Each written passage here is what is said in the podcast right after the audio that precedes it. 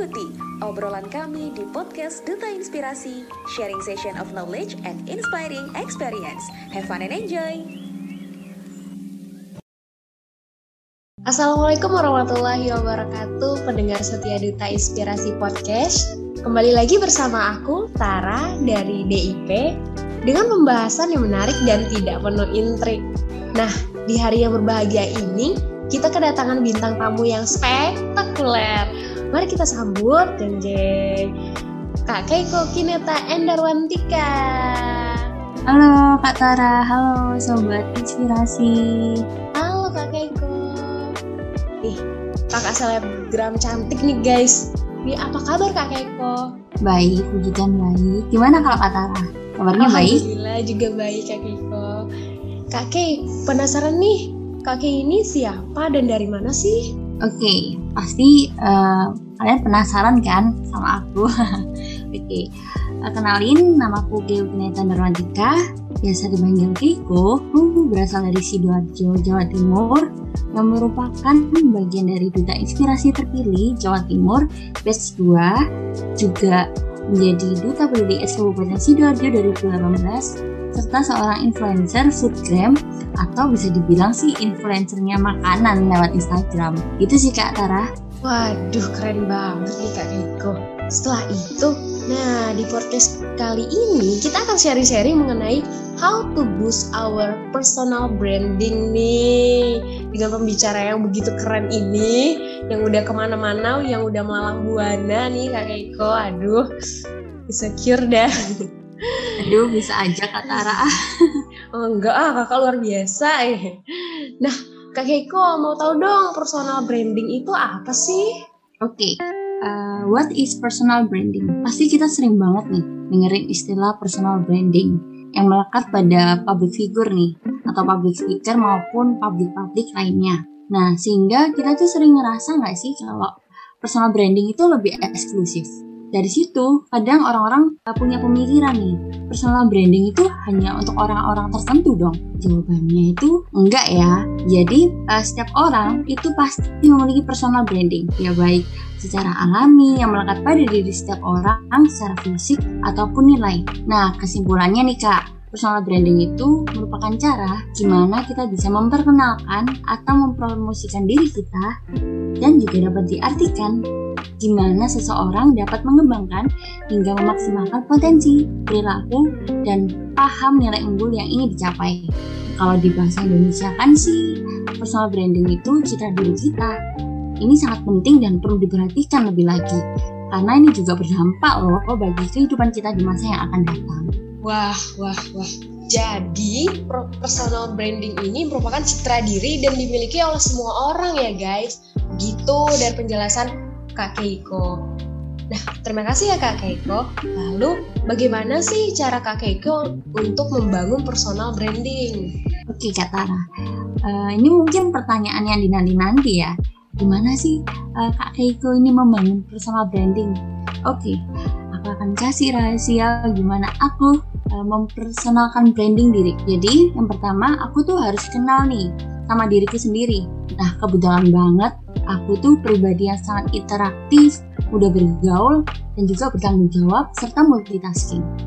Tapi, kelemahanku itu sedikit pelupa, tapi aku bisa mengatasinya dengan cara mencatat apa yang penting atau yang akan dilakukan.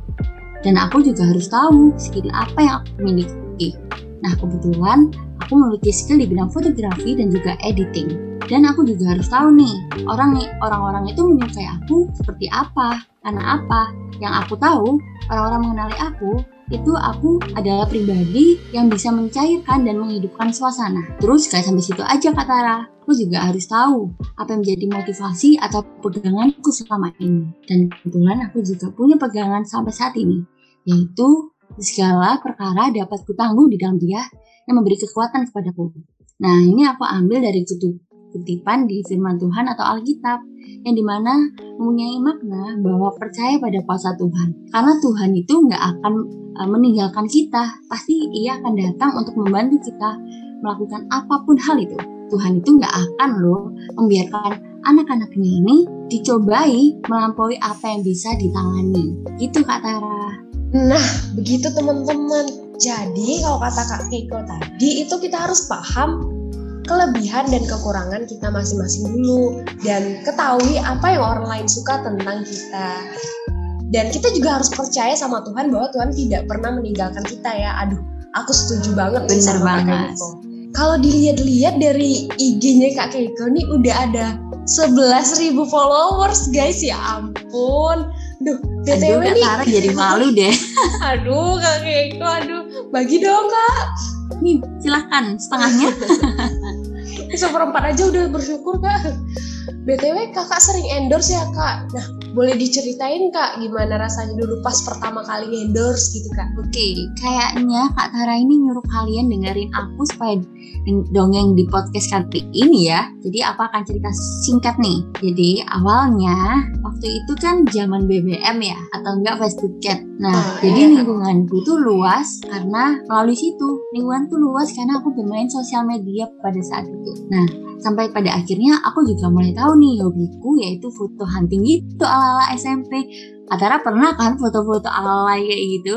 Aduh, sering, Kak. Tapi gak ada yang bagus. sering kan nggak apa-apa. Itu adalah pengalaman yang pernah kita lalui. Dan aku sering banget ngakuin hal itu. Nah aku suka edit foto dan juga aku upload di Facebook maupun Instagram yang pada zaman itu mungkin nggak banyak orang punya Instagram nih. Nah saat itu akunku sudah mempunyai followers 800 hingga 1500an itu pada saat SMP nah dan di situ postinganku juga lumayan banyak likes, komen, bahkan yang share gitu. Dulu kan nggak ada DM ya, jadi share-nya melalui link-link atau uh, sebuah tautan Instagram. Dan itu menyebar luas dan diakses sama beberapa temennya temenku. Unik banget kan? Nah sampai akhirnya ini ada cerita aku dihack sama orang. Aku nggak tahu tujuannya apa dan untuk apa tapi aku kan adalah anak yang gak gampang nyerah buat ngembangun cita diri aku. Jadi sehingga dari situ aku mulai update baru lagi Aduh, sampai di hack juga- gitu ya, Kak ya? ada. Iya benar benar banget. Sampai di hack paham ya kan kayak gitu. Oh iya agak dipusingin buat lagi aja. Kan pikiran anak SMP kan kayak gampang gitu kayak terus habis itu eh, setelah aku mulai update baru di akun yang baru ada beberapa outfit itu yang kirim pesan melalui Facebook maupun BBM untuk minta tolong nih. Kak aku boleh minta tolong nggak ya untuk memfotokan produk aku tapi ini nggak produk aja kak nanti sama kakaknya juga foto jadi istilahnya dulu eh, jarang ya ungkapan endorse tapi kayak lebih ke promosikan produk gitu. Oke, sampai akhirnya aku bantu all shop itu dan awalnya kan berniat untuk bantu, tapi itu keterusan. Dari satu all shop ada beberapa all shop yang juga tertarik menawari aku. Sehingga aku satu hari ditanya fee dan eh, rate-nya berapa? Ah, anak SMP tahu apa soal fee dan rate. Aku cari tahu tuh soal endorsement, terus exposure dan lain sebagainya. Dan aku mulai berani untuk mematok harga dan juga sistem yang berlaku untuk orang-orang yang mau mempromosikan produknya ke aku. Nah, jadi di situ aku mulai belajar lebih lagi mengeksplor yang namanya sosial media terutama Instagram karena lagi ngehits hitsnya dan aku mulai uh, memanage apa sih yang menjadi kean orang-orang ketika orang-orang ini menjangkau akunku. Nah, tapi nggak sampai situ aja Kak Tara. Kan nggak cukup tuh endorse doang. Nah, gimana cara mempersonalkan brandingku waktu itu? Nah, aku iseng-iseng tuh ikut yang namanya organisasi. Padahal aku itu tipikal eh, anak yang bener-bener kayak nggak tahu ya kenapa mama papa aku nih ngelarang aku buat ikut organisasi. Karena aku adalah anak yang kalau udah terjun di suatu kegiatan itu pasti bakalan dilakuin semaksimal mungkin sampai lupa sama diri sendiri. Nah mungkin khawatirnya di situ kak. Tapi aku tahu eh, aku mampu dan aku ingin mengeksplor diri aku lebih lagi dan akhirnya aku ikut paguyuban atau organisasi di Sidoarjo. Langsung tuh tiket kabupaten. Namanya Parpas. Nah, Parpas ini singkatan dari Paguyuban Remaja Peduli AIDS Kabupaten Sidoarjo dan aku nggak ada persiapan sama sekali, nggak tahu soal apa itu HIV AIDS segala macam, tapi aku mencoba belajar lebih lagi dan ternyata aku lolos di setiap seleksinya dan aku diberikan kesempatan untuk menjadi duta peduli AIDS Kabupaten Sidoarjo tahun 2018. Nah, dari situ tuh Kak Tara, aku mulai mengenali relasi yang lebih luas dari sisi non pemerintah bahkan pemerintah. Aku juga mempelajari banyak hal dan dari situ aku juga mulai nge-mix nih antara relasi, skill sosial media dan lain halnya. Nah, sehingga hal itu itu membentuk diriku menjadi yang sekarang ini. Karena aku percaya juga ini semua juga berkat tangan Tuhan ya. Karena apa pun yang aku lalui, aku alami dan kerjakan, aku selalu percaya bahwa ini termasuk proses Tuhan untuk membentuk diriku lebih lagi. Gitu dongengnya. wah, wah, wah, wah, ya ampun. Aku tuh selalu takjub loh kapan Kak Keiko ini bicaranya aja tuh buat aku takjub loh teman-teman. Karena emang kayak kita harus terjun ke banyak hal seperti yang dikatakan Kak Keiko tadi. Dan dalam hal terjun jangan terjun-terjun aja dong harus maksimal gitu. Dan buah Bener dari banget. memaksimalkan potensi diri tadi udah nih udah jadi contoh nih Kak Keiko ini. Udah sukses gitu kan. Udah aduh udah wow banget. Udah sukses dalam karirnya lah. Ini belum belum belum lulus kuliah aja udah sukses nih. Menginspirasi sekali Kak Keiko ya Allah. Gitu nah Kak Keiko eh, ada langkah-langkah gak yang bisa di-share ke teman-teman dalam membangun personal branding tadi Kak? Oke, jadi karena aku tadi udah spill dikit nih ya sobat inspirasi tentang gimana caraku untuk membangun personal branding. Jadi aku mau kasih tahu nih ke kalian how to boost our personal branding. Nah, catat baik-baik ya. Jadi ada 4M nih poinnya. Apa aja tuh? Yang pertama, kita harus mengenali diri sendiri. M yang pertama adalah mengenali diri sendiri.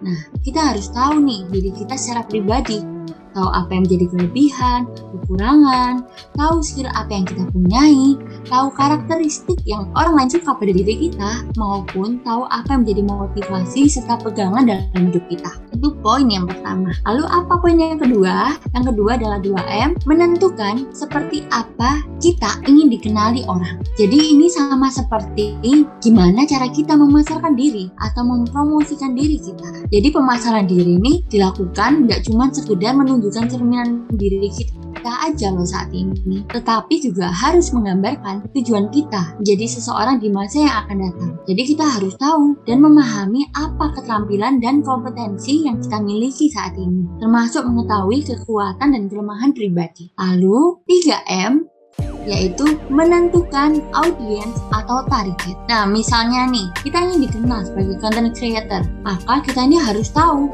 kita harus menjangkau siapa sih targetnya, usia berapa, dan dari situ kita bisa memikirkan konten apa yang sesuai dengan usia. Nah, dengan begitu kita bisa menjadi content creator dengan melakukan berbagai upaya untuk mempromosikan diri kita agar lebih cepat tepat sasaran kepada audiens atau target yang dituju.